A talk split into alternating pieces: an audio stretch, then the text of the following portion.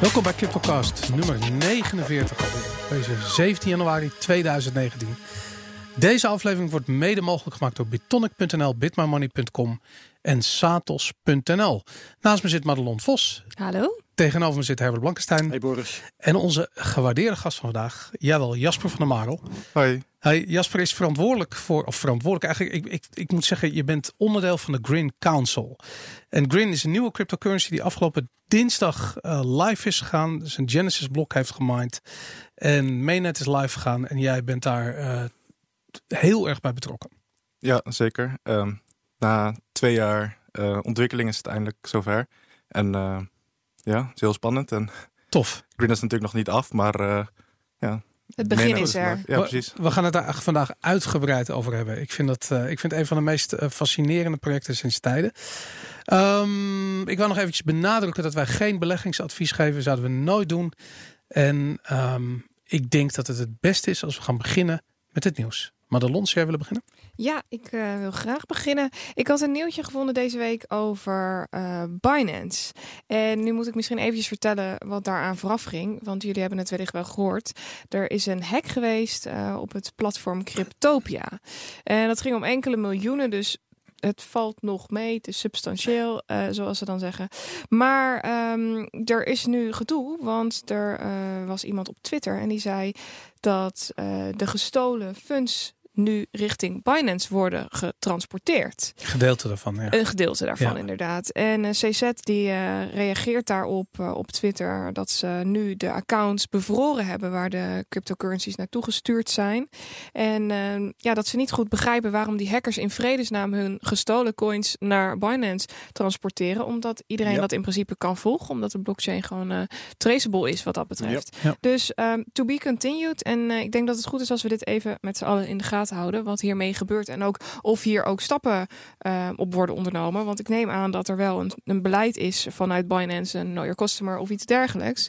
Dat het niet zomaar uh, zomaar kan. Nou, daar zullen ze wel over nagaan. Ik bedoel, als je in staat bent om een exchange te hacken, dan ben je ook wel in staat om uh, een, een, valse identiteit aan te maken op een exchange zoals Binance, denk ik. Maar... Ja, maar op het moment dat het dan weer uh, naar een euro of dollar rekening toe moet om een, in het normale circuit te komen, dan zou daar toch iets. Nou, er zijn heel veel mogelijkheden daarvoor. Het is alleen raar dat het inderdaad eerst naar gek? Binance. Ik bedoel, waarom, waarom, waarom dat doe je een dat hele slimme operatie. Nee, dat ik is kon heel het ook raar. bij een ATM er zo uh, uittrekken. Ik, ik, begrijp niet dat Ja. ze dat naar Binance Uh, Het ging om Ether. Um, we, we, hebben geen idee waarom ze dat gaan hebben. Wat ik wel op zich interessant vond, is Crypto Cryptopia, zoals de Nieuw-Zeelandse exchange heette, de eerste, of heet, uh, de eerste grote hack heeft opgeleverd van, uh, van, 2000, mm -hmm. van 2019. Dus ja, lekker bezig jongens. Toch? Herbert, wat is jouw nieuws? Nou, ik wil twee dingen met elkaar in verband brengen. Ik uh, zeur de laatste tijd steeds door over Venezuela. En wat is daar nou weer gebeurd? Uh, Rara, uh, president Monero had ik bijna gezegd. President Maduro. Bij deze. ja, leuk hè? president Monero van Venezuela. Die heeft de waarde van de petro maar eens weer eens verhoogd. althans uitgedrukt in bolivars. Want die is nu 36.000 bolivars waard. En dat is alweer vier keer zoveel als die kort geleden was. Uh, dat gaat maar door. Maar dus, verhoogt nou, hij dat zelf, Herbert? Wat zeg je? Verhoogt hij die prijs zelf? Nou ja, hij heeft in elk geval gedecreteerd. Daar zal Ah, wel een kabinetsvergadering aan vooraf gaan. Of weet ik veel wat daar allemaal gebeurt. Maar goed, uh, het wordt hier aan Maduro toegeschreven. In het bericht van bitcoin.com dat ik voor mijn neus heb. Dus nou ja, dat is uh, een, een, nieuwe nagel in de doodkist van die Petro. Want het slaat natuurlijk allemaal nergens op wat daar gebeurt. Ja, ik, hoor, ik hoorde van een, een interview met een uh, cryptocurrency enthousiasteling, een ontwikkelaar uh, in Venezuela, zat ik naar te luisteren. En wat ik ontzettend interessant vond, is dat hij zei dat uh, mensen in Venezuela massaal bitcoin ontdekken omdat ze gedwongen worden Aha. om uh, uh, ja, petro-wallets te installeren ja. en dat soort dingen. En daardoor eigenlijk gewoon ja. de, geïntroduceerd worden in het hele ecosysteem. En zoiets hebben van ja, dat die, dat die petro waardeloos is, dat snapt iedereen gelijk. Ja. Uh, maar dat je dus ook blijkbaar andere coins kunt kopen, dat is interessant. Het is grappig, vind ik, dat de waardeloosheid van die petro nu ehm, nog eens eens te meer aan het licht komt, omdat hij in waarde wordt verhoogd. dat je hem niet serieus kunt nemen, dat, dat wordt daarmee extra duidelijk. Die Ja. Bolivar is natuurlijk nog veel erger. Maar eh, ja, dat je met een pennenstreek de waarde van die petro kunt veranderen, of het nou verhogen is of verlagen, dat eh, maakt hem totaal waardeloos. Ja, Dus dat is, dat wil, daar wilde ik eigenlijk mee beginnen. En dat wilde ik contrasteren. Eh, misschien gaan jullie me tegenspreken, maar dat risico neem ik gewoon. Met wat er gebeurt rondom de Marshall-eilanden. Eh, dat is natuurlijk niet een gidsland in welk opzicht dan ook. uh-huh. Maar wat wel leuk is, die hadden al een tijdje een plan voor een eigen cryptocurrency. Zij gebruiken als normaal geld geen eigen munt, maar de Amerikaanse dollar. En ze hebben eh, voor een langere termijn het plan om een cryptocurrency als hun geld te gaan invoeren. Maar de bedoeling is wel dat dat een fatsoenlijke cryptocurrency wordt. Namelijk decentraal en eh, verhandelbaar en noem maar op. Bitcoin dus. Nee, geen bitcoin. Oh. Zeg, eh, we hebben hier notabene een, een meneer van een weer heel andere Oh, daar gaan we het zo over hebben. Gaan we het zo over hebben. ja. Nee, maar ze willen dus wel een eigen coin. Die vraag heb ik dus ook. Ja. Hè, als je dan toch een decentrale enzovoorts coin, wa- wat is dan de meerwaarde van een eigen coin? Kan ik jou nog geen antwoord op geven. Het is wel zo dat ze net een eh, vent hebben aangetrokken. eh, en die komt zo van Malta. En die heet, nou wil ik even kijken, Steven nog wat. Tenden, Steven Tenden. En die heeft eh, goed werk gedaan op Malta, begrijp ik. Bij Malta begrijpen ze het allemaal eh, eh, redelijk goed. Daar Zeker qua regelgeving, ja. ja, Blockchain Island hebben ze daar in het leven geroepen. Ja. We krijgen binnenkort hier ook iemand langs, Dien van Duchteren, Ja. die op Malta een bedrijf heeft die, die daar veel over gaat vertellen. Maar ehm, ze importeren nu dus op de Marshall-eilanden kennis om dit allemaal in goede banen te leiden. En ik ga niet zeggen dat het ideaal is wat daar gebeurt. Ik snap het ook nog niet helemaal. Maar het is wel duidelijk dat ze het allemaal veel serieuzer nemen dan in Venezuela. Ja. En het is de moeite waard om het te volgen. Dat Ja, is, ik- het is het eerste land dat echt een serieuze cryptocurrency wil. Ja. In ieder geval als geld dat eh, bij dat land hoort. Ja, het is heel interessant, maar vooral ook omdat ik me niet kan voorstellen dat een land wat misschien zelf een centrale bank heeft of zelf geld uitgeeft, dat loslaat. Dat je dus niet meer zelf de geldvoorraad beheert. Nou, dat, Dat- zegt die, die, die Tenden, die zegt dat. Dat is wel leuk. Eh, hij komt, gaat dus van Malta naar eh, Marshall-eilanden, van het ene eiland naar het andere, zeg maar. Hij zegt op Malta kan dit niet, want Malta zit te dicht bij Europa. Ja. Die eh, zitten vast aan allerlei regelgeving en dan gaat dat niet. Marshall-eilanden heb je een stuk meer vrijheid. Ja. Hier lukt het misschien wel. Ja. Dat is een goed verhaal. Nou, interessant. Ja. Dat eh, eh, Jasper zou, eh, zou Grin een, een optie zijn voor de Marshall-eilanden. Eh, ja, misschien. Waarom niet? Maar eh, zoals je zei, het is natuurlijk moeilijk als, die, als een, een land de controle over hun eigen valuta verliest. Dus ik, ik zie dat nog niet zo snel gebeuren. Ja, maar, en daar kiezen ze ja. voor. Hè? Dat is het dwaze. Ja, Ja. ik vind op zich, het is natuurlijk een, een prachtige eh, Oostenrijkse gedachte. Ik bedoel, het is de goudstandaard in feite. Eh, alleen, ja, welke, welke currency neem je daarvoor? Eh, op dit ogenblik is Bitcoin misschien nog een beetje volatiel. Om over de andere coins nog maar te spreken, te zwijgen. Want dat is natuurlijk veel. veel En hoe volatiel of niet volatiel wordt die sovereign, die SOV? Oh, dat Ja. is zoals de coin gaat heten? Dat, Ja, eh, zo gaat die heten. Ja. Oké. En het grappige is dat het IMF eerder, eh, vorig jaar, dat die al waarschuwde aan de Marshall Islands, Ja. eilanden om niet te beginnen met hun eigen. Dat vinden wij natuurlijk een aanbeveling. Ja, zeker. Maar dat vind ik wel, dat vind ik nou ook weer raar. Ten eerste, wat hebben zij ermee te maken? Waarom bemoeien ze zich met zo'n kleine eilandengroep? Nou ja, ze bemoeien zich overal mee. Dus, dus dat, dat begrijp ik nog wel. Maar ik heb meer zoiets zo van de. eh, een, bijvoorbeeld de euro is ook een digitale currency. Weet ik bedoel, ik geloof dat maar 5% van de euro's in fysieke eh, Mhm. munten bestaat. De rest is Ja. gewoon een digitaal uitgegeven Ja. eh, project. Ik Maar bedoel, precies cent- centraal geleid. daarom, ja, inderdaad. En dat- is eigenlijk dat hele ding, centraal of decentraal. Jasper, wat is jouw nieuws? Eh, Ehm, ja, ik wilde eigenlijk hebben over de Ethereum hard fork. Of eigenlijk het uitstel van de hard fork op het allerlaatste moment zo'n beetje. Ja, Ik geloof dat het eigenlijk vanochtend zou activeren, zoiets. Maar eh, ja, er is, er, is een, er is een bug ontdekt in, in die, de, de code, waardoor in sommige gevallen was het mogelijk om bepaalde stukken code meerdere keren uit te voeren. Waardoor je feitelijk, ehm, ja, soms bijvoorbeeld als je eh, coins of tokens overmaakt, dat, waardoor dat twee keer kon gebeuren, waardoor je feitelijk ja, je geld verliest. Double Ja. spend. Ja. Ik, Ja. ik heb daar een dubbel gevoel over. Aan de ene kant omdat ze ehm, de bug niet zelf ontdekt hebben. Dus de, eh, ik ben even de naam van het bedrijf, hoe hoe heet de... Ja, ik weet niet precies welke het is. Ja, maar, god, eh, ze hebben zo'n bedrijf toch met elkaar opgericht waarin ze de ontwikkeling van Ja. Ethereum doen. Maar ehm, eh, ze hebben een extern security bedrijf een audit laten doen. En toen is deze bug aan het licht gekomen. Ehm, ik vind het goed dat het. Uh, ik bedoel, het is natuurlijk fantastisch dat het überhaupt aan het licht komt. Ik bedoel, weer een grote Ethereum hack. Dat, ik bedoel, dat kan het daglicht niet verdragen. Nee. Aan de andere kant, ik bedoel, als je naar uh, bijvoorbeeld. Uh, als je kijkt hoe de development van in ieder geval Bitcoin eraan toe gaat, dat is vrij zichtbaar. Hè? Ik bedoel, dat, dat kunnen we redelijk volgen hoe dat gaat. En er wordt eigenlijk nooit iets veranderd en nooit iets geïnteresseerd. Ik wil Segwit, dat heeft vijf jaar discussie gekost voordat dat een keertje ja. ging. En een halve uh, burgeroorlog voordat dat er doorheen kwam.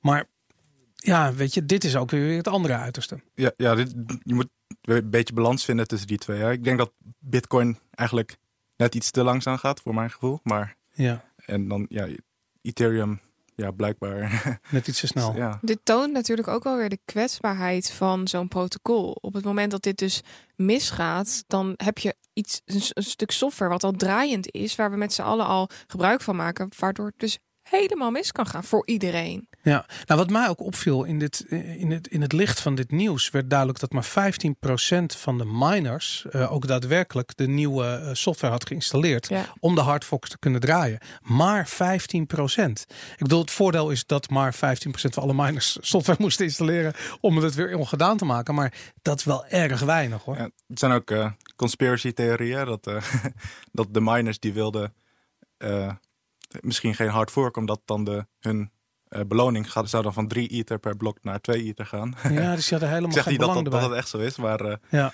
ja. Het kan natuurlijk ook gewoon zijn dat er ontzettend veel miners zijn die gewoon in een pool zitten of die dat hebben draaien en er verder niet meer naar omkijken of wat dan ook. Ik bedoel, ik heb ook heel lang Ed, uh, Eve Miner uh, gedraaid op een mining PC en dat stond gewoon maar ergens en ik keek er eigenlijk niet meer naar om. Ja, meestal als, als er grote pools zijn, die draaien wel een eigen software. Dus het lijkt me dat die juist gaan upgraden, maar ja. ja blijkbaar dus niet. Dat is wel bijzonder, ja. Ja, heel Het bizar. bedrijf dat het heeft ontdekt heet Chain Security. Was dat Ja. de naam die jij zocht? Nee, dat is niet de naam, Oké. eh, ik- de naam van eh Vitalix bedrijf waar ze allemaal voor werken, waar nu ook weer heel veel mensen ontslagen zijn. Hmm. Nou goed, in ieder geval dat, eh, eh, dat hou je van me te goed. Oké. Er is vast wel iemand op Twitter die het kan noemen. Ehm, laten we doorgaan naar de prijsanalyse. Terwijl Madelon net een gigantische hap van haar peer neemt. Oké, ik pak hem even geluncht? bij. Ja. Even zien hoor. Ik heb de daggrafiek voor me. Althans, die pak ik er nu even bij. En wat zien we? Dat head and shoulders patroon, dat was dus blijkbaar waardeloos. Heb ik vorige week ook al verteld. We zijn eh, afgelopen week best wel een beetje naar beneden gegaan. En eh, we hangen nu op een eh, belangrijke supportlijn rond de 3560 ongeveer. En dit is wel een, eh, een belangrijk punt. Als ik mijn verwachting uit mag spreken, vrees ik dat we nu langzaamaan in een driehoekpatroon lopen, wat nog wel eventjes kan voortduren. Het is nu 17 januari, dus het zou nog wel een week kunnen duren voordat we hier uitbreken. En ehm, doorgaans breekt zo'n patroon opwaarts uit. En dat zou dus een teken kunnen zijn van een mogelijke bodemformatie. Maar dan is het goed opletten of we ook echt eh, boven de, nou, om en nabij de 4000 dollar uitbreken. Eh, dat is voor nu het enige wat ik er kan, van kan maken. De RSI zit gewoon lekker in het midden. En voor de rest, ja, het volume loopt rustig aan af. Dat loopt gelijk op met eh, de koers. Die loopt ook af. Dus voor de rest is het eh, behoorlijk rustig. Maar we zouden dus een relatief horizontale periode tegemoet kunnen gaan. Oké, het, het valt mij op dat ik eh, op YouTube, ehm, als ik inlog op YouTube, dan krijg ik allemaal suggesties van video's. En op een of andere manier vanochtend, ik had wel vijf suggesties van eh, video's waarbij gezegd werd dat Bitcoin naar de 1500 dollar gaat. Waarom is dat nu zo populair om dat te roepen? Ik weet het niet zo goed. Hè. Een heleboel mensen zijn nu behoorlijk bearish. Ik zie het, eh, ik zie het vrij veel voorbij komen. Ook Toon Vees is behoorlijk. Die zei we gaan krijgen een tik omhoog en dan gaan we weer naar beneden. Mhm. En als je de video's vergelijkt met de nieuwsitems, als je echt op, op online zoekt naar ehm, analyses, zie je de geschreven analyses juist het tegenovergestelde zeggen. Die zeggen allemaal we gaan weer naar een bullrun en dit zijn de negen coins die omhoog gaan. En Dat hoor ik nou al een jaar. dit is, dit is een, een, een tweestrijd wat gewoon zich blijft voortdoen. En natuurlijk willen mensen Bitcoin helemaal kapot zien gaan. Om het goedkoop te kopen of om het... Nee, er is gewoon heel veel interesse voor ehm, op dit moment voor nieuwsberichten dat mensen kunnen zeggen: ja, zie je wel, het komt nooit meer goed met die coin. Ja, Het gaat helemaal omlaag. En ehm, dat moet er komen. Dat, mensen in paniek. Dat- raken. dan is het dat echt klaar, Het gaat ja. echt kapot. Het komt nooit meer goed. Dat hoort erbij. En ik denk dat daarom ook die suggesties zijn geweest. En het levert veel views op om dat te roepen. Maar als je vaak die filmpjes bekijkt, is het relatief genuanceerd. Nou duidelijk. Oké. Goed, we gaan eh, nog heel even snel onze beleggingswedstrijd eh, vervolgen. Die inmiddels bijna op zijn eind loopt, toch Herbert? Wanneer, eh, wanneer zijn we dit exact een jaar aan het doen? Ehm, 7 februari, als ik me niet vergis. Oké, dus nog pak een beetje drie afleveringen. Ja, dan, eh, dan gaan we de balans opmaken voor zover dat nog nodig is. Want Ja. we zien het allemaal wel aankomen natuurlijk. Wij zijn ooit begonnen met 1000 virtuele dollars. Herbert, wat is daar bij jou nu van over? Eh 142,73. Ik ben weer aardig op weg naar mijn all-time low. Dat was 125 dollar. Kijk. Dat komt langzamerhand weer in beeld. Eh, remember, ik zou tracteren als het onder de 100 kwam. Oh ja, Ja, inderdaad. Ja. Eh, dat eh, wordt nog spannend of dat nog gaat lukken op termijn van drie weken. Nou ja, als die 1500 dollar bitcoin in de buurt komt, dan gaat dat zeker. Dan zeker, ja, dan lukt het makkelijk. Ja. Perfect. Nou, mijn stand was vorige week 192,83 dollar en dat is nu 181,72 dollar. Ook dramatisch natuurlijk. Madelon is met 500 virtuele dollars begonnen en kan natuurlijk wel traden in tegenstelling tot mij. En wat is jouw stand eh, slash score, Madelon? Ik sta nu op een eh, stand van 753 dollar en 32 cent. Eh, en ik heb weer een beetje bitcoin bijgekocht. Dus ehm, ja, we gaan het zien. Oké, nou geweldig. En het 100 dollar per week eh, project, Herbert? Nou ja, de, ik zit aan de 4100. Ik denk dat ik hiermee iets langer doorga dan het beleggingsspel. Om, eh, de- tot aan de 5000 of zo had ik geloof ik vorige keer gezegd. Oké. Ehm, ik heb op 3637 dollar heb ik gekocht. Het totaal is nu 2473. Dat is, ehm, eh, even kijken hoor, alweer een procent of twee minder notabene dan vorige week. Terwijl ik notabene 100 dollar erbij heb gelegd. Ehm, ja, nou eh, had ik alles meteen ingelegd. Dan had ik nu bij- eh, 290 dollar minder gehad. Oké. Ja. Dus ja, wat is mijn totaal? 0, even kijken hoor. Totaal tot nu toe. Ik heb eh, twee derde bitcoin. 0,679 bitcoin heb ik bij elkaar gespaard nu. En je zegt, je, je had 290 dollar minder gehad. Maar hoeveel bitcoin had je minder gehad als je het in één keer... Eh, nou, dan moet je 290 de- delen door de koers van nu. Dat is mij een beetje te machtig op dit moment. Ja, maar je hebt natuurlijk... Nou goed, oké. Hier gaan we het al over het eind. We moeten dit eventjes gaan... eh, Dat kunnen we dan aan het einde helemaal bespreken. Ja. Ik ben namelijk heel benieuwd daarna ja, ik of vind je het ook meer of minder bitcoin zou hebben.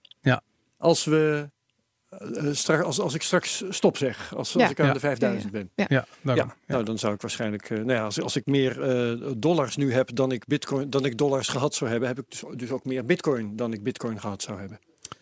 Dat is. eh, Het hangt vanaf geval. welke prijs je bitcoin Ja. toch koopt. nee, Maar goed, oké. Nee. Nee, ja, Het is als je- gewoon het totaal. Ja, nee, dat snap ik. Oké. Ja.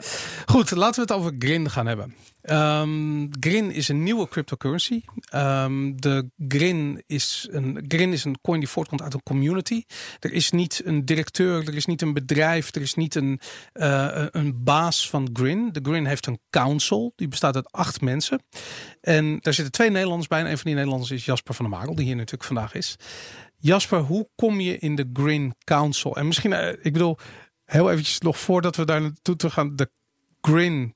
Grin verwijst naar een, de bank die je hebt in de eh, Harry Potter reeks. Ja, Eh, hoe- wat is de volledige naam van die bank ook alweer? uh, Gringotts. Gringotts, inderdaad. De, wat is het? De Bank of Wizardry en, en nog iets? Ja, zoiets. Ja. Daarom. Grin eh, maakt gebruik van het Mimblewimble-protocol. Mimblewimble is een spreuk uit Harry Zo. Potter. Jawel. Hij gaat diep. Hij gaat diep. Het is heel erg Harry Potter. Eh, de persoon die de, eh, eh, ooit eh Mimblewimble eh, whitepaper heeft gedropt in een Bitcoin ehm, chat, deed dat onder de eh, naam. Ik, wat was de naam? Tom Elvis Jedusor. Terwijl de eh, Franse naam voor eh, Voldemort, of een anagram van Voldemort. in het Ja, Frans. inderdaad. In de Franse versie van Ja. Harry Potter is dat de anagram van Voldemort. Ik kom net uit een andere podcast die vol zat met referenties aan in de band van de ring. Oh, kijk. Dus- nou, nou, dit, dit gaat helemaal Harry Potter worden. En eh, er was nog één laatste. Oh ja, en dat is eh, dat ehm, eh, Grin eh, officieel, de whitepaper van Grin is geschreven door iemand die ook weer een ander eh, Harry Potter naam eh, hanteerde, toch? Nou ja, diegene die eh, project gestart is, heeft niet echt een whitepaper geschreven, maar die heeft gewoon, ja, die is gewoon gezegd, oké, nu, nu beginnen we met ja, het bouwen van Grin en de community kan meedoen en het is open source. En dat is uh, Ignotus Peveril. Oké. En dat is eh, ja, ook een bekend eh, personage in, in de Harry Potter ja, geniaal. Verhalen. Ik denk dat het een eindeloze bron van inspiratie kan zijn voor alle functionaliteiten die nog worden toegevoegd in Grin. Wat maakt Grin anders dan andere cryptocurrencies? Um, eigenlijk meerdere dingen. Een van die dingen is uh, privacy by default. Dus uh, ja, je, hebt al, bent altijd best wel privacy. Dus je, je hoeveelheden zijn verborgen. Er zijn geen adressen waar je bepaalde analyses op kan loslaten, die, waar, je, waar je dingen dan mee kan tracken. Geen chain analysis dus? Nee, niet op de standaard manier. Um, Ongetwijfeld zijn er hele slimme mensen die, die andere dingen kunnen bedenken. Maar ik zeg ook niet dat het perfect is of zo. Maar nee, want het is ooit van de bitcoin gezegd. Ik hoorde de laatste tijd ook van Monero. De privacy daarvan valt ook best wel tegen. Vroeg of laat gaan er toch weer uh, uh, workarounds gevonden worden door geheime diensten. Ja, precies. Maar ook wij staan niet stil natuurlijk. Hè. Dus uh, nee, nee, nee. ook aan onze kant kunnen we hopelijk nog heel veel doen. Ja. En een ander ding is dat scalability. Namelijk dat als je het bijvoorbeeld vergelijkt met, met Bitcoin, is, is Grin veel lichter. Als het dezelfde transacties zou hebben, zou het ongeveer um, ehm, 70 gigabyte zijn. Terwijl als je zeg maar, de privacy aspecten in Bitcoin zou toevoegen, zou het ongeveer 700 gigabyte zijn nu. Dus het is zeg maar factor 10 uh, en dan, besparing, zeg maar. Dan, dan vergelijk je het met het volume wat Bitcoin nu heeft. Ja, het aantal transacties en, en onuitgegeven. Ja, want de Bitcoin blockchain is nu iets van, uh, wat is het, 230 of zoiets? Ja, zoiets, ja. 250 gig. En als je dus de privacy aspecten zou toevoegen, dan zou het nog iets van 450 gigabyte extra kosten. Oké. Dus dan kom je op 700 ongeveer. En ja, in Grin zou dat dan maar 70 gig zijn. En waar zit hem dat in? Waarom, waarom, hoe werkt Nimblewimble? Zou je Nimblewimble kunnen uitleggen aan iemand die het niet weet? wacht even voor, voordat je dat doet. Um, want je noemt twee eigenschappen, schaalbaarheid en privacy. Zijn dat ook inderdaad de problemen die jullie willen oplossen met Grin? De problemen die Bitcoin heeft en Grin dan niet? Ja, precies. Eigenlijk wel, ja. ja. Dus jullie proberen een betere coin te ontwerpen. Daar komt het ja. in het kort op neer. En maar we hebben wel heel veel van de, de ethos van Bitcoin, zeg maar, de, mm. het communitygevoel en, en uh, ja, er is, er, is, geen bedrijf dat erachter zit of, of iets. Dat, uh, ja. ja. Een coin van, voor iedereen. Van geen winstoogmerk en al dat soort zaken. Nee, precies. Ja. Dat maakt het project heel erg uh, sympathiek. En ik, ik merk dat het dus ook heel erg uh, opgepikt wordt door de, door de Bitcoin uh, community. En in het begin vond ik dat opmerkelijk. En toen op een gegeven moment toen, werd me wat meer duidelijk waarom dat, waarom dat is. Maar, maar nog heel even terug naar dat Mimblewimble. Wat, wat, wat is dat? Waarom is dat revolutionair? Um, Oké, om, om het uit te leggen zal ik, moet ik misschien eerst heel veel naar Bitcoin kijken. In Bitcoin heb je transacties en die hebben inputs en outputs. En daaraan kan iedereen zien dat uh, de waarde van de outputs moet gelijk zijn aan de waarde van de inputs.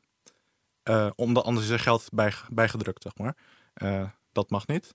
En in Grin heb je dat ook, maar daar zijn de, de waardes, de hoeveelheden zijn een soort van geëncrypt met je geheime keys. En um, de wiskunde, zeg maar, de outputs moet gelijk zijn aan de inputs, die geldt nog steeds, maar dat zijn nu met geëncrypte waardes. En dus niemand kan nu dus meer zien wat die hoeveelheden zijn. Maar je kan wel verifiëren dat, dat de hoeveelheden kloppen. En uh, ja, dit, is eigenlijk een, een, een basisversie hiervan uh, is al eerder bedacht. Maar eigenlijk heeft die Tom Elvis, Jedusor heeft nog een, een, slimme toevoeging daarop bedacht. Waardoor feitelijk um, dit, ja, dit gehele ding helemaal mooi in elkaar komt te vallen. En waardoor ook die schaalbaarheid uh, tevoorschijn komt. Zeg maar daar, um, waardoor je eigenlijk als je als als je het Grin-netwerk uh, toetreedt, zeg maar, om, om, hoef je niet alle informatie te downloaden die er is. Je hoeft maar een deel te downloaden. Maar, maar je hebt wel dezelfde veiligheidsgaranties dan als je alles zou downloaden. Daar komt eigenlijk op neer. En wat voor los van de, van, de, van de privacy, wat voor voordelen levert dat nog meer op? Betekent dat ook dat je bijvoorbeeld een veel draagbaardere, mobielere versie van je netwerk kunt hebben? Ja, zeker. Um, er zijn ook plannen om, om volledige nodes op telefoons te draaien. Zover zijn we nog niet. Maar uh, uh, ja, en het is ook zo dat uh, Grin heeft ook heel veel uh, dingen van de, de cryptografiewereld die echt best wel recent zijn bedacht. Mm -hmm. En ook nieuwe ontwikkelingen in de, in de cryptografiewereld, die kunnen wij ook heel goed toepassen. In de, ja, hopelijk gaat het in de komende jaren een aantal daarvan worden ja, toegevoegd aan Grin. En dan zijn we nog beter. de, um, hoe, hoe lang zit je zelf al in de in development van Grin? Um, ik denk een jaartje, zoiets, ja. en ik heb, ik, heb een paar, ik heb een beetje ingelezen, een paar video's gekeken, een paar interviews met jou. En het werd me duidelijk dat je op dit ogenblik bezig bent met de eh, implementatie van atomic swaps. Ja, van, een, een van de dingen. ja. En ik, eh, we gaan echt proberen om het niet al te technisch eh, te, te, houden. Maar het is, eh, het is mateloos fascinerend. Want dat betekent. eh, het, het gaat om atomic swaps. Dat betekent dat het eh, instant eh, eh, uitwisseling is tussen bijvoorbeeld green coins en bitcoins. Ehm, bij mijn weten zijn er op dit ogenblik nog geen atomic swaps met bitcoin. eh, eh, eh, maar ik, ik zie je kijken, misschien zit ik ernaast. Ja, er, er, zijn- er zijn ehm, tests gedaan vooral eigenlijk. Volgens mij zijn er nog niet echt plekken waar je het nu al gewoon echt makkelijk kan traden. Maar ja, volgens mij is het één of twee jaar geleden zijn er wel eerste tests gedaan, bijvoorbeeld met Bitcoin en Ethereum. Oké, En ehm, ja, ik, ik heb dus eigenlijk een soort van proof of concept gedaan. En heb ik eh, atomic swaps tussen Grin en Ether en Grin en Bitcoin eh, gedaan. En het werkt. En ja, nu, nu ben ik eigenlijk het een beetje aan het, aan het uitbouwen en zorgen dat het, dat het bruikbaar wordt voor, voor andere mensen.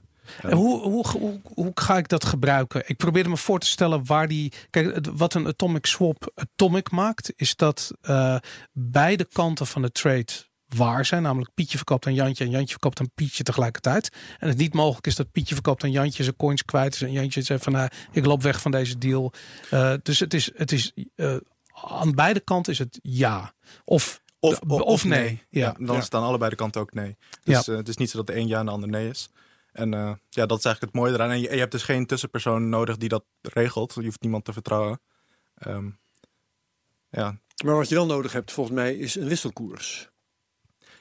Ja dat, eh, Atomic Swaps lost, zeg maar, eh, het vinden van de andere persoon die van jou wil kopen of aan jou wil verkopen, dat lost het niet op natuurlijk. Dat is Mhm. een, echt een apart probleem. Maar als je eenmaal iemand hebt met wie je wil traden, dan, ja, dan kan je het doen zonder tussenpersoon. en, Wat- en ja. Nee, Wat maar- ik mij afvraag, eh Grin is in wezen een concurrent van Bitcoin. En ondanks dat wordt eh Grin door de gehele community best wel eh, goed ontvangen. Terwijl meestal Bitcoin ehm, gelovigen, om het zo maar even te zeggen, altijd heel erg afkeer hebben tegen andere coins. Hoe kan het dat Grin volgens jou juist wel wordt omarmd? Ehm, ik denk eigenlijk dat er twee aspecten zijn. Eén is dat de techniek wel super interessant is. Vind Mhm. ik zelf wel, in ieder geval. En eh, ten tweede is ook wat ik al zei, dat de, ja, de, de ideeën die erachter zitten, de, ja, de community is, is gewoon echt heel erg belangrijk, denk ik. En het, feit, ja, het, het is gewoon heel erg open en, en, en ja, ge- ge- gemaakt door mensen die gewoon in hun vrije tijd vooral eh, eraan werken omdat ze het interessant vinden. En Ja, Ehm, zo, zo is eigenlijk Bitcoin ook begonnen. hè. Vroeger was, was een Bitcoin natuurlijk helemaal letterlijk niks waard. En eh, toch ja, besteden mensen de tijd aan om, om het te ontwikkelen. Het is gebouwd op dezelfde principes, kun je het zo zeggen? Ja, een beetje wel. Ja. Ja, dus zonder financieel winstoogmerk. En die worden gewaardeerd. Ja. Dat is waarschijnlijk waar het op neerkomt. Denk Er is ja. natuurlijk nog een theorie die verder gaat dan dat. Kijk, om te beginnen is het Mimblewimble, eh de whitepaper, is eh, gedropt in de Bitcoin community. Ja. Eh, eh, ik bedoel, het is niet, niet, volgens mij niet echt een groot geheim dat er een boel, eh, of een boel, een paar grote Bitcoin mensen achter eh Mimblewimble staan en ook achter Green staan. Ik merk dat Bitcoin, of eh, dat Mimble, of eh, dat Grin ook gemined wordt door echt maximalisten en eh, mensen die daar, Bitcoin maximalisten die daar echt he- helemaal in zitten. Ook vanuit de gedachte, eh Grin bijt Bitcoin niet. Mede van, vanwege de, eh, het, het inflatiemodel van eh, Grin. Grin gaat tot in de eeuwigheid door met het aanmaken van nieuwe coins. Dus Grin zal niet een store of value zijn. En dat is natuurlijk waar Bitcoin maximalisten eh, allergisch voor zijn Mhm. op het moment dat er een nieuwe waarde wordt gecreëerd, nieuwe coins worden aangemaakt of pre-mines zijn of dat soort dingen, dan hebben bitcoiners zoiets van ja, maar wacht even, dit, die, willen we niks mee te maken hebben. En Grin blijft daar zo strategisch uit dat vaarwater van bitcoin dat ik me afvraag van het lijkt wel afgesproken. Nou, zover zou ik niet willen gaan. Maar eh, ja, inderdaad. Ik, ik persoonlijk verwacht eigenlijk dat dat Bitcoin in de lange termijn minder geschikt zal zijn als currency, maar vooral inderdaad als, als store of value. En ehm, ook omdat ja, er, er zijn er maar, uiteindelijk maar 21 miljoen. En eh, ja, mensen gaan het niet uitgeven al- als het meer waard wordt natuurlijk. En Devin Grin is dat er feitelijk dat er één grin per seconde uitkomt, voor altijd. En ehm, waardoor het hopelijk meer geschikt wordt als currency. En dat, dat maakt het ook meteen eerlijker. Hè? Dat als jij bijvoorbeeld over een jaar pas het eh, mee gaat doen, als je begint te minen, dan heb je evenveel kans om, om grins te krijgen dan als je ja, nu begint. Eh, Bij, bij Bitcoin is dat natuurlijk, heb je die halveringen waardoor Ja. dat niet, niet zo is. Dat, dat zijn de, de verschillen. eh, maar welke daarvan is de reden geweest om daarvoor te kiezen? Om te kiezen voor dat inflatiemodel? Ja, een, een combinatie van al die eigenlijk. Het is, Ja. ja. we- het is echt bedoeld als currency, niet, niet om eh, Juist, te is- speculeren. ja, ja. ja dus jullie, jullie wilden een currency maken. ja. Een betaalmiddel. Als je dan nog even terug naar die atomic swaps, hè? want eh, op het moment dat je ehm, eh, atomic swaps hebt tussen Bitcoin en Grin, kan ik me bijna niet meer voorstellen dat je niet Grin gebruikt vanwege de privacy aspecten, wat natuurlijk een voordeel is als je een, een transactie doet ehm, eh, ten opzichte van Bitcoin. En op het moment dat je dat op een of andere manier direct zou kunnen toepassen. Dus stel je voor je koopt een kop koffie bij, de, eh, bij je favoriete koffietent en je wil dat betalen met, eh, met een digitale currency en je kan kiezen tussen Bitcoin of Grin, dan zou je genaamd zijn van nou, je weet niet wat de gevolgen zijn van die transactie in de toekomst. Misschien wordt koffie verboden, weet ik veel wat. Ik geef maar even wat voorbeelden. Maar dus je kiest ervoor om Grin te gebruiken en op dat ogenblik wordt jouw Bitcoin of je satoshis worden direct omgezet naar Grin en eh, je, die, die transactie vindt plaats. Is dat iets wat, wat mogelijk gaat zijn? Ehm, ja, ik denk het wel. Eh, ja, ik, moet wel zeggen dat atomic swaps zijn meestal niet instant. Want feitelijk moet je wel wachten totdat er een transactie heeft plaatsgevonden op de chain. En je moet wel zeker zijn dat, dat het gebeurd is voordat je... eh, ja, voor de, an- anders bijvoorbeeld als je een dubbel spend of zoiets eh, hebt. Eh, maar oké, bijvoorbeeld als je koffie koopt, dan is dat misschien minder van belang dan als je ja, een, een, weet ik wel, een huis koopt of zo. En hoeveel, laat ik zeggen, hoeveel bloks moet je wachten voordat er een, hoeveel bevestigingen moet je hebben voor een transactie? Wat zou je aanraden? Ehm, ja, dat is nu, nu nog heel erg moeilijk in te schatten. Want ja, we weten nog niet heel erg hoe, hoe, hoeveel mensen er gaan minen. Kijk, nu, nu minen er ongeveer, eh denk ik, 100.000 GPU's. Maar ja. we moeten de komende tijd zien hoe dat, hoe dat gaat ontwikkelen. En dat is in, in drie dagen tijd, hè? Dat, Ja, zeker, dat is insane. Dat is echt insane. Maar ehm, eh, dan nog even, want dat, dat begreep ik niet, inderdaad niet helemaal van Atomic Swaps. Want er moet natuurlijk een platform zijn die de transactie eh, Ja. eh, ja, opzet, eigenlijk die mensen bij elkaar brengt. Ehm, bouw jij dat ook? Ehm, op het moment niet. Ik zit er wel een beetje over na te denken, een beetje ja, met, met het idee te spelen.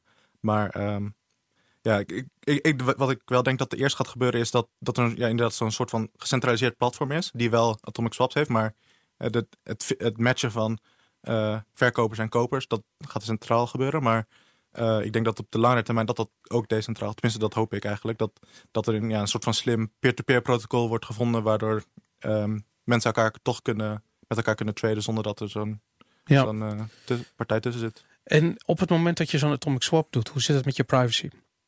Ehm, nou ja, met Grin is dat wel bijzonder, omdat eigenlijk de enige partijen die weten dat jij een atomic swap doet, is de andere, de andere persoon met wie jij trade. Dus elke eh, at- atomic swap transactie, om het zo maar te zeggen, ziet, het, ziet er precies hetzelfde uit als een gewone transactie op Ja. Grin.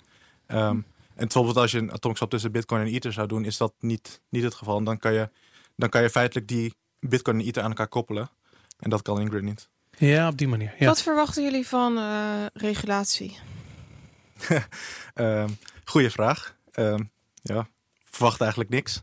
Eh, ik bedoel, wa- ja, wat mensen met, met die coin doen is, ve- is verder hun, hun eigen verantwoordelijkheid. Mhm. En ja, wij. eh, Is, Gr- is Grin ergens gevestigd? Hebben jullie een Nee, soort nee. kantoor? Of, of... nee, er- Het is gewoon een vrije coin Ja, van het- het het is publiek. open source. en- ja, het is een. De enige vorm van, van governance die we soort van hebben is, is de Grin Council. Maar dat zijn ook gewoon eh, ja, community members die besloten hebben een soort van eh, ja, dingen te begeleiden, zeg maar, de, de community te begeleiden. Ja. Maar dat, dat kan ook, die, die samenstelling van die council kan heel makkelijk veranderen of misschien helemaal weggaan, de council. Dat, ja, het staat allemaal heel erg los. En eh, En, en zeggenschap, stel je voor je wil veranderingen doorvoeren in de source code of wat dan ook. Hoe werkt dat? Is het gewoon nodes die dat oppikken? Of? Ehm, nou, we hebben wel van tevoren een aantal dingen vastgesteld die hopelijk makkelijker maken om bijvoorbeeld hard forks te doen. Want We hebben gezegd dat we de komende twee jaar, elk half jaar, een, een fork doen, waarin dus upgrades van het, aan het protocol eh, gaan doen en daarna in principe niet meer. Dus we hopen dat, eh, dat die hard forks eh, aange- geaccepteerd worden door de community. Maar ja, dat weten we natuurlijk niet zeker. Dat gaan we zien, maar ehm, ik heb er vertrouwen in. Ja, ja, Is interessant. Grin nu al verhandelbaar eigenlijk? Ik, Ja, eh, ja. Op welke, want ik kijk op CoinMarketCap en dan kan ik hem niet vinden. Co- CoinGecko heeft hem wel namelijk. Ja, precies. Het is allemaal nog super nieuw. Het is echt Begrijp letterlijk ik, twee ja, dagen ja, ja. geleden uitgekomen. Daarom Dus, eh, vraag ik het ook. Ehm, ja, ehm, moet ik een exchange naam noemen? Ja, uh, volgens mij bitmesh.com. is geloof ik een van die... eh, ik, weet niet of, Ja. ze, of ze betrouwbaar zijn, maar het, je Ah. kan het daar Hoe- kopen. Hoe maar, zorgen eh, jullie voor listings? Want normaal moet daar gewoon fors voor betaald worden. eh, ja, maar wij gaan daar niet voor betalen, want we hebben geen geld. Daar komt het eigenlijk op neer. En eh, ja, we wachten gewoon af. En al- kijk, als er genoeg vraag is van de community, dan komen Ja. de grote exchanges vanzelf wel. Dat is een beetje het idee. Ja, ja, En nu, is, nu zijn het dus vooral de, de, de kleine exchanges die het ge- geaccepteerd hebben. Want die willen de eerste zijn. Dus dan Ja. krijgen ze hopelijk een beetje bekendheid. Maar Eh, Even de, voor, voor mijn beeldvorming. Hè. Ik, ik, ik ben best wel gefascineerd door de, ehm, eh, de angst die er. En dat vind ik ook wel interessant. Wij hebben, eh, Herbert, wij hebben het er ook wel eens over gehad. Van eh, eh, de, de, de, kracht van privacy, van privacyprotocollen. En ik weet dat er. ehm, op een gegeven moment, toen duidelijk werd dat Bitcoin op geen enkele manier private was, of private te noemen was, of anoniem was, eh, dat het volledig transparant was. Dat het Bitcoin heel erg geholpen heeft in acceptatie door overheden, slash veiligheidsdiensten, veiligheidsdiensten die overheden eh, adviseren. Eh, in ieder geval de adoptie van Bitcoin heeft heel erg eh, geprofiteerd van het feit dat het ehm, ja, ontzettend goed te controleren is wat daar gebeurt. Ehm, niet tot ieders tevredenheid natuurlijk. En dat is ook waarom protocollen zoals Mimblewimble en maar ook andere coins zoals Monero en zo toch altijd populair gebleven zijn. Ehm, ehm, wat denk je dat er zou gebeuren op het moment dat Mimblewimble zou worden toegepast op bijvoorbeeld Bitcoin? ehm, je bedo- je bedoelt als, als sidechain of als... eh, Nou, kijk, het originele, voor, het originele voorstel was natuurlijk om eh Mimblewimble eh, protocol Mhm. op te nemen in Bitcoin. Ehm, en ik heb altijd het idee gehad van ja, er komt een moment dat, dat er zoiets gaat gebeuren. Ik bedoel, Lightning Network is, is behoorlijk eh, private, maar absoluut niet 100%. eh, kijk, als je echt je best doet en je zet allemaal eh, ehm, eh, Lightning nodes neer, dan kun je natuurlijk behoorlijk wat informatie meten. Ehm, dus in theorie is het niet private. In de praktijk natuurlijk zeker nu nog wel. Ja. Ehm, maar op het moment dat je echt van die eh, protocollen krijgt die de transacties gaan verhullen, wat Mimblewimble natuurlijk in, in, in feite doet, Ja. dan ben ik benieuwd of dat niet ontzettende politieke gevolgen heeft voor zo'n coin, voor de adoptie van bijvoorbeeld Bitcoin. Ehm, ja, ik, ik kan er nu weinig over zeggen. Ik, ik, hoop, ik, hoop dat dat... eh, als, als het ooit geïmplementeerd wordt, ik hoop niet dat het dan verboden wordt of zo. Maar ik denk dat het... Ja, regelgeving en zo, die loopt sowieso denk ik best wel achter op, op de crypto-wereld. Dus eh, ik denk dat we in de komende jaren ook meer gaan horen over... ehm, ja, hoe, hoe overheden willen... eh, ja, weer gaan dealen met, met privacy coins. Maar ja, Ja. voorlopig is het nog allemaal... eh, ja, kunnen we doen wat we willen feitelijk. En eh, Ja. ja. ja, we gaan het zien. Nee, ik vond het, ik vond het namelijk zo'n mooi idee. Dat stel dat je eh, eh, loopt te spelen met dit idee om bijvoorbeeld Mimblewimble eh, eh, op Bitcoin te bouwen. Ik bedoel, dat is natuurlijk hoe het oorspronkelijk het idee in de wereld is gekomen. In een Bitcoin chat. En eh, de feedback komt van ja, als we dat nu zouden inbouwen, dan eh, staat het de adoptie van Bitcoin heel erg in de weg. Ja. Ehm, en het duurt natuurlijk ontzettend lang. Daar hadden we het ook al over gehad. Precies, ja. Ja, wat, wat, wat, wat zou je daar. eh, ik bedoel, jullie zijn lean en mean. Wat dat betreft. Ja, dat, dat is ook een van de redenen dat we besloten om, om, om feitelijk een nieuwe coin te starten. Is dat eh, de ontwikkelingen in, in de technologie gaan heel snel. Ehm, maar Bitcoin gaat heel traag. Dus ja, wij, het gevoel is dat wij, wij kunnen eigenlijk ook alle nieuwe ja, techniek, bijvoorbeeld ja, bepaalde snore signatures. Dat is misschien, ja, gaat te ver om uitleggen wat het is. Maar dat is ook een voorstel dat eigenlijk voor, voor Bitcoin is. En dat hebben wij gewoon eigenlijk al meteen vanaf het begin. Ja. Dus jullie zijn eigenlijk gewoon wat dat betreft gewoon volledig eh, het, hoe noem je dat, het, pad begaanbaar aan het maken voor eh, bijvoorbeeld Bitcoin. Ja, misschien wel. Ehm, maar ik denk dat dat nog wel jaren zal duren voordat het in Bitcoin eh, zulke grote veranderingen eh, gaan plaatsvinden. Vind je dat die ontwikkeling te traag gaat? Ehm, ja, ik persoonlijk als developer wel, want jullie hadden vorige week geloof ik ook een gast die zei dat hij af en toe wat, wat eh, dingen proberen toe te voegen, maar dat het, ja, dat het dat proces heel, heel eh, langzaam is.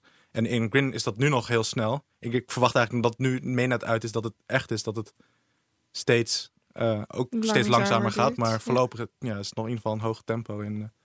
eh, Intussen ben ik eh, wezen kijken en eh, Ik vind, eh, op, zoals jij zei Boris, op CoinGecko, daar kan ik Grin vinden. Het is wel even leuk om, eh, om even een overzichtje te geven. Eh, hij is te krijgen op Bitforex, op eh Trado, oh, moeilijke naam allemaal, Tradoger, Galleon Exchange, Chain Rift en BeGoGo. Nou ja, en de prijzen die lopen erg uiteen.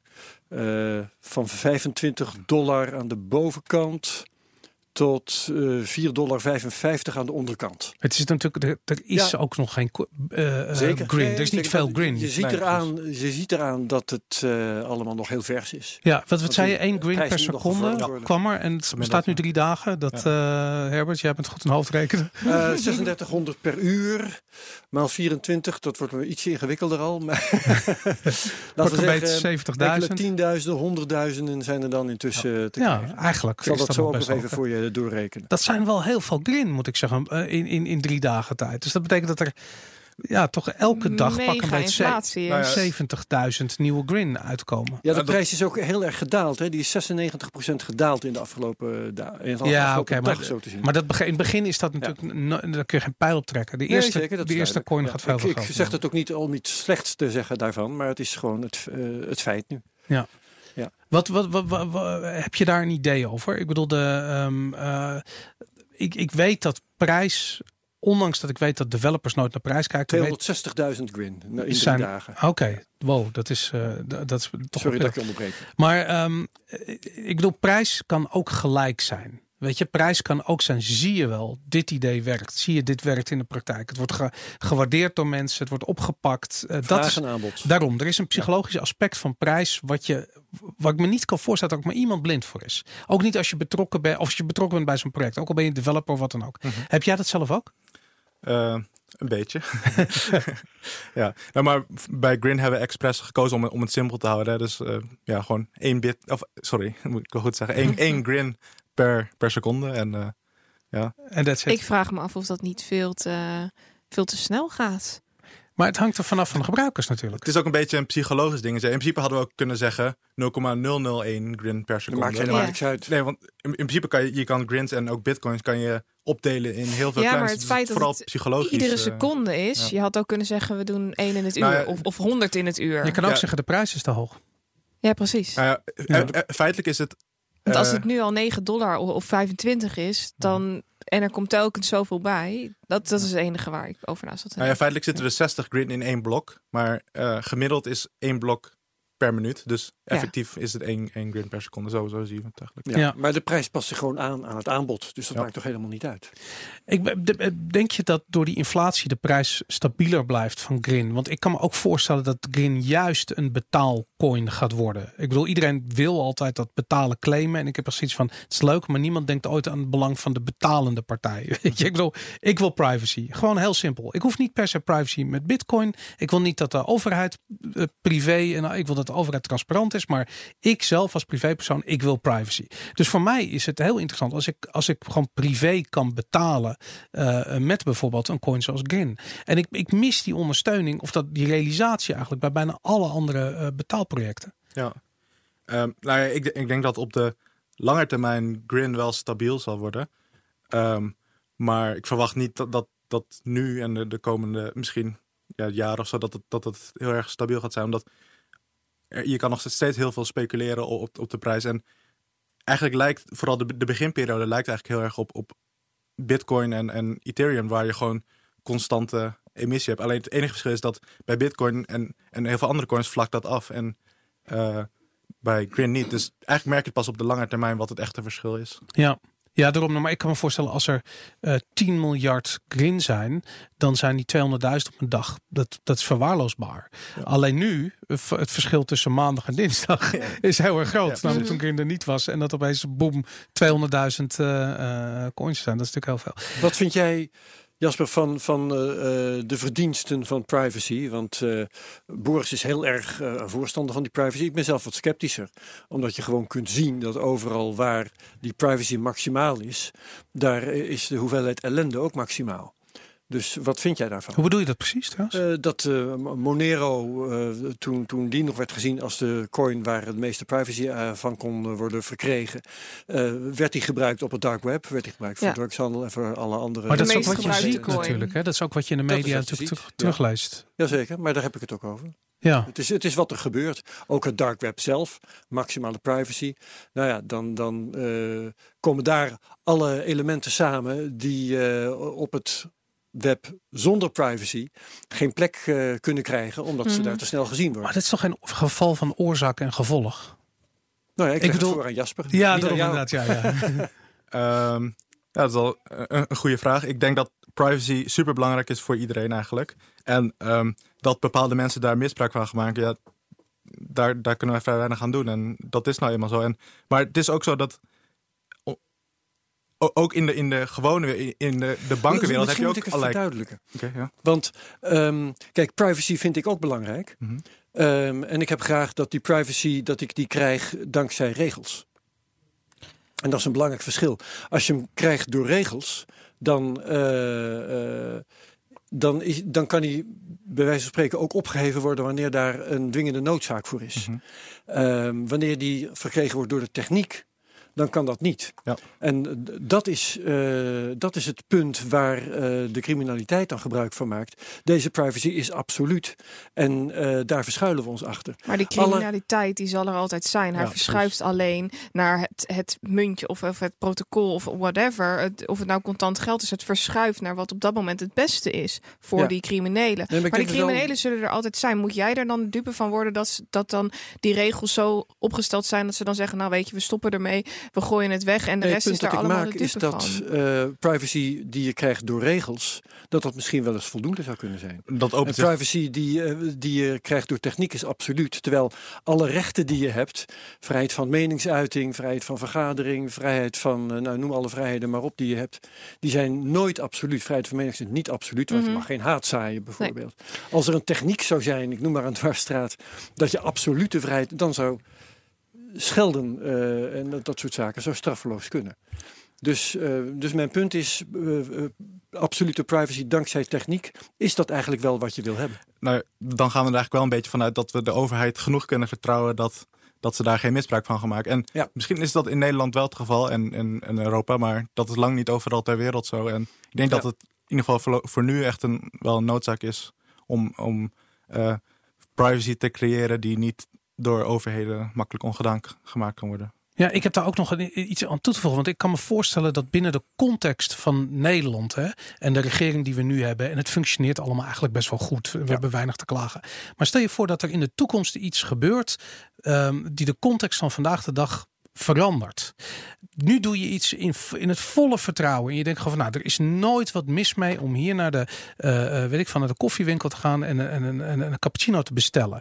Maar stel dat dat verboden wordt over tien jaar en er wordt met terugwerkende kracht gehandhaafd. En dat is een absurd voorbeeld, hè? maar je ziet het bijvoorbeeld gebeuren bij, uh, er is een goed voorbeeld van een Canadees die in uh, Canada marihuana had gekocht in een koffieshop en vervolgens Amerika niet in mocht. Mm -hmm. En hoe kwam Amerika aan, zijn, uh, aan die informatie? Gewoon via zijn creditcardmaatschappij, die Amerikaans was. Ja. En dat is een voorbeeld van een veranderende context, waarbinnen je opeens iets wat volledig legaal is doet. Ja. En dat is dan opeens niet meer legaal. Dan heb je het over iets wat misschien in de toekomst kan gebeuren. En ik, ik begrijp dat wel, dat argument dat is, dat is uitstekend.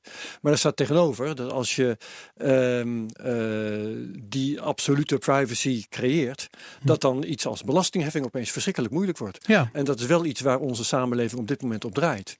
Dus weet wel wat je doet. Nou ja, de, maar, maar Kijk uit met die doos van Pandora. Dat is natuurlijk zo interessant. Ik vind het ook echt een hele. Ik ben ook benieuwd naar jouw mening daarover, Jasper. Want in mijn gevoel is dat precies de reden waarom je juist in de hoek van de cryptocurrencies die, die, die fundamentele discussies ziet over. Uh, weet je, opeens zie je daar libertariërs opstaan die zeggen van maar het hele systeem moet anders. Ja. Uh, centrale banken deugen niet. Die ideeën die vinden natuurlijk, die wortelen echt, die zijn of die zijn echt diep geworteld in die cryptocurrency wereld. Precies vanwege die reden. Omdat je kunt opnieuw nadenken over het hele systeem. Te beginnen met geld. En daar begint eigenlijk ons hedendaags systeem voornamelijk. We zouden zeggen democratie, maar het is misschien in bepaalde opzichten gewoon geld waar het om draait. Hoe zie jij dat, Jasper?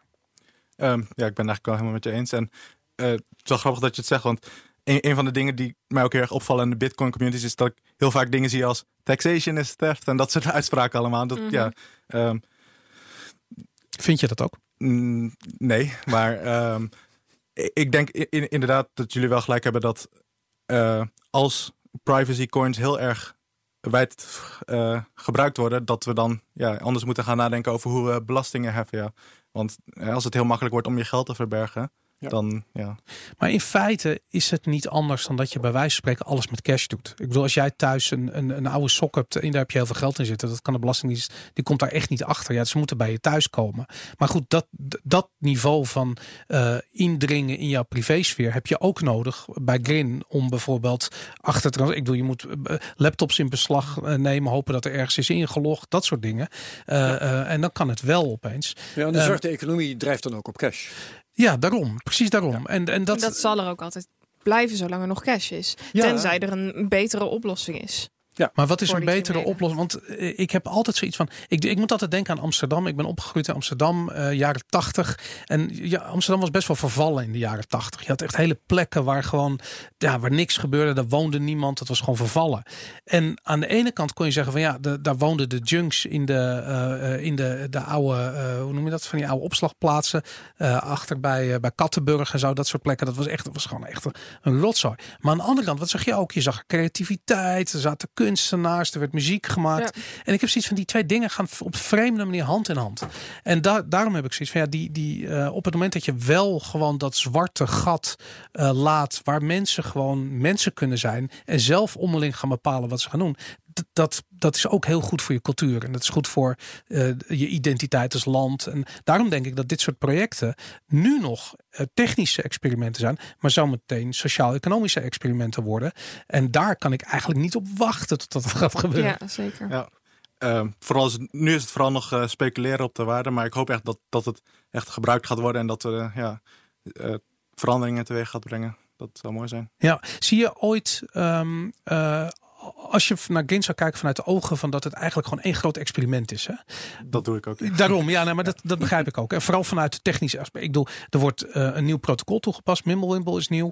Ehm, eh, ik heb het ook het idee dat er ontzettend veel, eh, sowieso mensen willen bijdragen. Dus nu zie je dat heel erg in hashing power. Dus mensen beginnen te minen. Maar ik kan me voorstellen, het is een kwestie van tijd voordat mensen wallets gaan bouwen. En, en misschien wel zo'n platform waarop je atomic swaps kunt doen, bijvoorbeeld. Ja. Zie je dat al gebeuren? Ehm jazeker, ik, ik werk zelf eigenlijk ook aan een, aan een wallet. Tof. dus eh, ja. Is er Eh, nog geen wallet?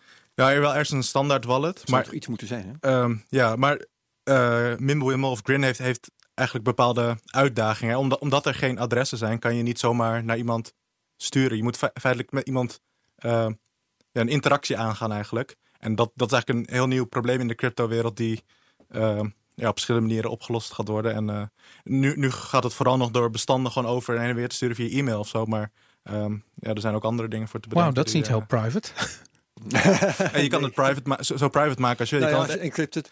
Ja, dat is waar. ja, precies. En je, je- in principe zou je een transactie op een USB-stick kunnen zeggen en die USB-stick er- ergens kunnen verstoppen en dat iemand anders hem weer pakt. En dan, dus je kan het zelf private maken zoals je het wil. Hoe- eh, het is, het, is het transportmechanisme Ja. ja. is, is, staat los van Grin feitelijk. Postduif. Ja, precies, geniaal. Ik hoorde, het het heeft er niet zoveel mee te maken, maar ik hoorde laatst dat eh, in, in Rusland, in Moskou, er een hele bende was opgepakt die drugs eh verspreiden, verkocht, doordat ze overal in de stad kluisjes hadden geïnstalleerd. En als je dan iemand betaalde, in een café bijvoorbeeld, dan gaf hij een adres eh, met een code voor dat kluisje. En daar kon je dan dat ophalen. Maar ik vond het heel slim, omdat ze zijn zo streng in, eh, in, in Moskou, dat eh, ze werden gedwongen om creatief te zijn. En ik vind dat, dat vind ik heel interessant. Dat, dat, dat, dat, ja, die drang om maar een oplossing te zoeken voor dat probleem uiteindelijk fantastische dingen oplevert. En dat, eh, en hoe, hoe, hoe zie jij. ehm, ehm, eh, wa- wat zou jouw voorkeur hebben op het moment dat je dan iemand zoekt om een transactie mee te Stel je voor, je, ik wil jou wat gain betalen en we, we ontmoeten elkaar net. Ik bedoel, staan we dan e-mailadressen uit te wisselen? Of heb je meer zo van, het is een plugin voor een of andere eh, eh, messaging app? Of wat? Ja, als we letterlijk naast elkaar staan, dan zou je het zelfs kunnen airdroppen, zeg maar. Gewoon via Bluetooth of, of weet ik veel wat. Ja. Of USB-stick, dat, dat zou in principe kunnen. ja. Maar als je iemand aan de andere kant van de wereld wil betalen, dan wordt het al iets ingewikkelder. Ehm, ja, je, je zou e-mail kunnen gebruiken, maar ehm, er zijn ook andere manieren om het te doen. En heel veel van die dingen moeten ook nog bedacht worden. Het is echt alles staat nog in de kinderschoenen eigenlijk. Is die betaling instant? Ehm, nou, wel heel snel. In ieder geval, het, het moet zeg maar. pa- Het is pas veilig als het op de, op de blockchain staat, feitelijk. Als, als het Ja. genoeg bevestiging heeft. En, en hoe lang duurt elke dat? minuut een blok moet het vrij snel kunnen ja, gaan. precies. Ja. Zes minuten voor zes Ja. bevestigingen. Ehm, ja, maar er, er, zijn nog extra dingen toegevoegd aan, aan het protocol die Mhm. het meer private maakt, maar die, die vertragen wel een beetje. Het eh, hele proces. eh. Ja, maar dat, dat is wel een soort van iets waar je voor kiest. Zeg maar. Als je heel erg private wil zijn, dan kan je zorgen dat het langer duurt. En maar als je dat niet wil zijn, dan kan, is het bijna instant. En, eh, Ik zit een beetje te, te koekeloeren op eh, GitHub nou, want eh, daar staat er, daar is een, eh, een file en die heet How to use the Grin Wallet. Ja. Eh, begrijp ik goed dat die Grin Wallet die er nu is, vooral command line is? Ja. Dus geen grafische interface. Ja. Ik wou het maar even signaleren. ja, Voor jou toch appeltje eitje, Herbert. Oh joh, ik doe dat zo. ja, de Ja. prioriteit lag eigenlijk en li- ligt nog steeds op de, op de basis goed te krijgen. En eh, zeg maar de mooie interfaces en dingen die, die komen wel, maar dat, ja, Tuurlijk, dat duurt een tijdje voordat dat allemaal. Ik, eh, ik zag ja. dat als je wilde, Green wilde minen, en dat is op dit ogenblik. Je kunt nu al kopen, maar op het moment dat ik bezig was met het voorbereiden van deze uitzending, was er eigenlijk nog niet een moment om te kopen. En toen kon je dus alleen maar minen om Green te krijgen. Eh, maar dan moet je dus ook een eigen nood draaien, want anders kon je niet je transacties ontvangen. Je zou in principe ook via een pool kunnen minen en dan hoeft het niet. Oké, eh, ja. Er zijn 100.000 GPU's op het netwerk, dus als je met één of twee GPU's zelf mine, dan moet je eigenlijk wel een, een pool eh, joinen. Ja. Ja. Ik moet zeggen dat ik het wel verschrikkelijk leuk vind dat we nu zo kort na de geboorte van deze coin erover Ja. zitten te praten. Dat we gewoon er nog naar zitten te kijken terwijl die wallet er niet is. Ja. Eh, althans alleen een hele primitieve. En terwijl de koersen nog gevormd moeten worden, weet je wel. En Uh-huh. we het Absoluut. aantal coins nog kunnen tellen, bij wijze van spreken. Ze zouden in deze kamer passen. Ja, het zijn de, de witte broodweek. Ik vind het echt een voorrecht om, om nu met je te praten, Jasper. Hey, hoe, is dat dan, hoe is dat dan? Want als je dan eh, inlogt op de, eh, ik weet misschien hebben jullie een Slack channel of een chat of weet ik Ja. veel. Is dat is het feest? Is het eh, is iedereen de hele tijd aan het bijhouden wat er gebeurt? Statistieken aan het delen? Ehm, ja, ten eerste is het de hoeveelheid mensen die überhaupt in dat chatchannel echt geëxplodeerd sinds, eh, sinds de afgelopen weken. Dat eh, het is niet eens meer bij te houden soms hoeveel, eh, hoeveel berichten er worden gestuurd. En eh, ja, we zijn nu en voor- de devs zijn vooral aan het hopen dat alles goed gaat. Dat, dat er geen kritieke fouten worden ontdekt en zo. En dat, eh, ja, het is allemaal heel erg spannend. En nu is het allemaal echt. Voorheen, we hebben meerdere testnets gedaan, maar dan is het allemaal ja, speelgeld. Dan, ja, dan stuur je transacties makkelijk en dan ja, Ja. stelt het niks voor. Maar nu, ik, ik heb al een transactie gedaan met eh een paar Grin. En dan, ja, dan is het toch net iets spannender. Ja. Dan gaan we is- over vijf jaar gaan we tegen jou zeggen: Weet je wel hoeveel geld je toen hebt weggelegd? 100.000 grin voor een, voor een biertje. Ja, nee. Ja. Even ehm, eh, eh, de manier waarop jullie gelanceerd zijn. Hè? Ik bedoel, de, ehm, eh, we, we hebben natuurlijk in 2018, eh, ik, ik, ik, ik overdrijf het misschien een beetje, maar de dood van de ICO gezien. Eh, misschien dat het terugkomt, we weten het niet. Maar in ieder geval, eh, de interesse daarvoor is tot een dieptepunt gedaald. Eh, we zien eh, eigenlijk ook dat er keihard wordt afgerekend met alle coins die gepremined hebben. En die eigenlijk hun waarde kunstmatig aan het oppompen zijn. Dan wel door wash trading, dan wel door het versturen van persberichten met de meest onzinnige samenwerkingen die waarschijnlijk nooit van de grond komen. Jullie zijn het tegenovergestelde daarvan. Dus het- echt het, het verschil van dag en nacht. Ja. Eh, ik bedoel, het is gewoon community. Eh, er is geen pre-mine, er is geen ICO. is-. Daarom, idealen. Het, het, gaat, het, jullie zijn- het is heel duidelijk hoe jullie gedreven zijn. En ik heb het idee dat eh, vooral in die periode waarin we dus eh, ja, eigenlijk anderhalf jaar lang volledig gebombardeerd zijn met eh, berichten over prijs en over hebzucht en over mensen met Lambo's en weet ik veel. Dat dit nu, eh, de timing is gewoon perfect. Weet je? Ja, precies. Ik ben eigenlijk wel blij dat we in een, in een bear market zitten. Nu, is, nu kunnen we gewoon rustig, on- Rustig ons, ons ding doen. ja. En zonder dat er overal hype wordt eh, gecreëerd die, die nergens op slaat. Ehm, ik, ik verwacht dat er over, misschien over een paar jaar wel weer zo'n zo'n bubbel zal komen. En dan misschien gaat Grin daar ook in mee. Maar voorlopig kunnen we nog even gewoon ons eigen ding doen. En, eh, Ja, denk je dat er meer projecten nu dus op die manier gelanceerd worden? Nu ze het succes van Green zien.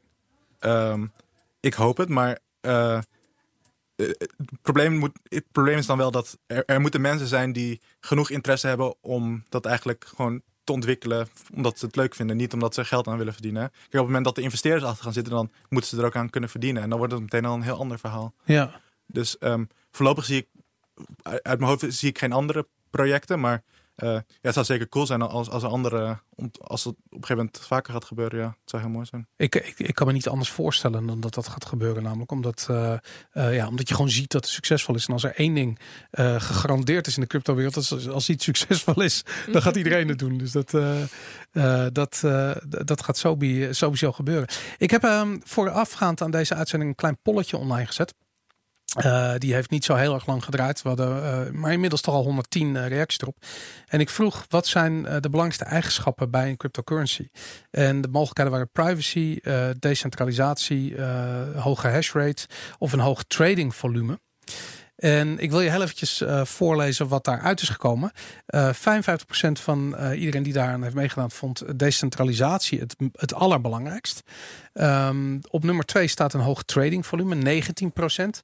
Op nummer 3 staat privacy met 16%. En de hash rate is voor 10% maar belangrijk. Hash rate is natuurlijk ook wat minder zichtbaar. Ehm, maar ik vind het heel erg interessant dat je ziet dat die decentralisatie boven privacy eh, wordt, ehm, eh, wordt ge- ingeschat. Hoe zie jij dat zelf? Ik vind het wel mooi dat in ieder geval dat decentrale nog wel boven eh, die andere staat, boven de hoge trade volume. Maar ja, het is wel, wel bijzonder dat mensen privacy eigenlijk niet zo heel erg belangrijk vinden. En ehm, ja, misschien is dat ook omdat wij in toch wel veilige samenleving leven en waar alles, ja, alles redelijk makkelijk en soepel gaat. Dus dan verdwijnt het makkelijker naar de achtergrond. Maar ehm, ja, ik denk dat we mensen moeten bewust moeten maken dat het kan ook verkeerd gaan als, als, als alles gewoon publiek is. Dus privacy is wel belangrijk. Ja. Waarom is het tra hoog trading volume belangrijker dan je privacy? Ik, ma- mag, Geld, ik zat erover Lambo's, na te denken. nou nee, ehm, mag je dat niet gewoon vertalen met zo'n coin moet gebruikt worden? Nee, ik denk Nee? dat echt Dit dat is je echt moet er wat geld, wordt je er moet gezien kunnen op de exchanges kun je traden, ja, denk ja, ik. ja. Dus dat, dus is, ja, nee, dat, maar dat, zijn, dat is natuurlijk een hele grote doelgroep die in Toch nog crypto een zit. restje van de van de, Van de boom. 2017, ja. nee, maar dat zijn nog veel mensen die daar, die daar voor het geld in zitten, denk ik. Hoe, hoe decentraal is Grin? Ehm, ja, dat is moeilijk te zeggen eigenlijk. Eh, qua hashing, ik denk dat. Oké, er zijn een aantal grote partijen die eh, flink hebben ingezet qua, qua GPU's. Maar ik merk wel dat in de community ook heel veel mensen die gewoon eh, met een, een aantal GPU's minen. Maar hoe, hoeveel, hoeveel GPU's dat nou in totaal zijn, dat, dat is moeilijk te zeggen. Maar eh, ehm, ja, ik, ik denk dat het redelijk decentraal is. Maar dat is, de, dat is natuurlijk de, de decentralisatie van de mining power. Ja. Maar eh, en als je naar development kijkt, Ja. Eh, aan de ene kant is het best wel decentraal, omdat dit is een, ja, zijn gewoon een aantal mensen die eigenlijk verder niet aan elkaar verbonden zijn, behalve door, door een soort van Grin, een gezamenlijk project. ja, En, en iedereen kan, kan erbij joinen, maar het is wel zo dat de hoeveelheid developers is nu nog relatief klein vergeleken met Bitcoin. Dus dat moet de komende jaren wel echt gaan, ja, gaan groeien, want anders eh, ja. heb je natuurlijk wel de kans dat je inderdaad cent- centralisatie op door middel van code hebt feitelijk. Ja, het lijkt er wel op alsof dat gaat gebeuren. Ik bedoel, als een, als een coin eh, gelanceerd wordt en er zit zoveel hype omheen. ehm, en er zit niet iemand achter die als een gek persbericht aan het versturen is. dan, eh, dan lijkt dat ook wel een soort van, eh, hoe noem je dat, een fundament te zijn. Dus dat, dat Ja. we zouden de aanname kunnen doen dat dat wel doorzet. En dat betekent ook dat mensen beginnen te, te ontwikkelen. Wat moeten mensen doen als ze willen helpen met het ontwikkelen van Green? Ehm, ten eerste kan je naar grin-tech.org gaan. Oké. Eh, de- ja, een soort van website gebouwd waar je ja, allerlei informatie... En dan zit wel ergens een knop down the rabbit hole of zo. Waar dan dus feitelijk de techniek uitgelegd wordt. En ja, die rabbit hole ben ik ook eh je moet gewoon op die knop ingedoken op een drukken. gegeven moment. En dan, ja. ja, ja. Vet. Dus dat, eh, en, en zoeken jullie, wat, voor soort mensen zoeken jullie? Eh, eigenlijk iedereen. Iedereen die bij wil dragen. Je, we hebben eh, op zich wel developers nodig. Mhm. Maar ook als je geen developer bent, eh, kan je op allerlei manieren bijdragen door dingen te testen, documentatie te schrijven, eh, vragen te beantwoorden. Of als je goed bent in het ontwerpen van dingen. We hebben, eh, zoals je al zei, we hebben, we hebben geen interfaces of zo. We hebben, dit is allemaal Ja. command line. Dus ja, daar hebben we zeker mensen voor nodig die dat eh, gaan ontwikkelen. Hoeveel Super. tijd besteed je hier eigenlijk aan? Eh, te veel. Ja, ehm, ja zoals ik, ben, ik ben nu een, een, wallet aan het ontwikkelen met een aantal andere mensen. En we hopen dat wel een beetje op een gegeven moment fulltime te doen. Nu, Ja. nu doe ik het ook soort van fulltime, maar ik krijg er nog niet echt voor betaald, zeg maar. Dus we hopen dan een beetje ja, door de community gesponsord worden. Of dat we een soort van financiering bedenken. Ja. Wat doe je in het eh, dagelijks leven eigenlijk? Ehm, eh, ik ben mijn PhD in nat- natuurkunde aan het eh, afronden, echt mijn thesis aan het schrijven. En ja, tegelijkertijd dus... eh, Ja, dus een salaris heb je wel. Nou ja, nu niet meer eigenlijk. Eh, Oh, je bent in de Dus ik ben nu- slotfase. ja, de precies in bekende zo'n- fase dat je onbetaald het nog af moet maken. ja, precies. Ik zit precies in zo'n zo'n overgangsfase. En wat dat betreft kan Grin ook wel op een goed moment dat ik dat, ja, ik, ho- ik hoop dat ik dan, dat ik dan ja, zo'n overstap kan, eh, kan maken. Ja. Ja. Ik zag inderdaad op de website ook eh, dat mensen bedankt werden voor een bijdrage. Dus ik geloof dat jullie al een flinke. Daar stond ook Greg Maxwell bij, bijvoorbeeld. Volgens mij Er stonden wat. wat- Ook wat eh, inderdaad heel open, gewoon een aantal bitcoiners Ja. eh, eh, die het project supporten. Ja. Eh, er stond ook eh Bitonic stond erbij, volgens mij. Eh, die, eh, die ook eh, enthousiast zijn en eh, heel erg meehelpen. Ja, stel je voor dat je, dat, je, dat je dat niet kon doen, dat je dan eruit lag. Ja. Dat zou toch heel raar zijn? Nou, maar als je het hebt over de Bitcoin community, is dat helemaal niet zo raar. Ik bedoel, eh, ik kan me niet voorstellen dat Bitonic of Greg Maxwell eh, zeggen dat ze Ripple gaan, gaan supporten. Weet je, Ja, dat, dat, ja. is, dat is vrij ondenkbaar. Dus wat dat betreft zegt het ook wat over de, de geloofwaardigheid van Grin. En ik vind, dat echt, ik vind dat echt heel knap. Ik heb eigenlijk sinds ik in Bitcoin zit niet een project gezien wat zo bezig was met ja, vanuit, vanuit eh, eh, geloof in een bepaald idee het, het, eh, ja, iets neer te zetten. En niet alleen maar achter die. Nou, niemand mag op centen. Twitter meer zeggen dat Boris een bitcoin-maximalist is. Ik, ben nu ook een klein beetje een. eh, Boris is een. Green lover. nee, maar ik, ik, ik zal altijd een Bitcoin-maximalist zijn. Maar ik vind het tof als er projecten zijn eh, waarin niet die Lambo's worden nagejaagd, maar waarin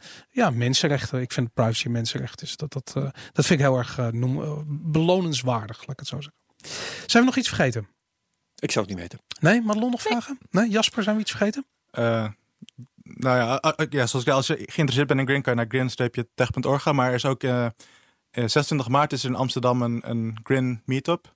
Ehm, je kan op Twitter GrinTransit19 volgen en dan volgt er meer informatie erover. En een aantal devs eh, zullen aanwezig zijn. Ik zal er ook zijn. En eh, ja, kom, kom langs zou ik zeggen. Green Super. Ja. Tof. Nou, alle links staan in de show notes. En eh, we zien elkaar eh, de 26, 26 maart in, eh, in Amsterdam ergens. We horen nog wel waar het is. Ja.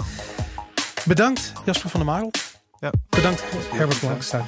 Bedankt Boris van der Ven. En bedankt Madelon Vos. Dankjewel. Tot volgende week.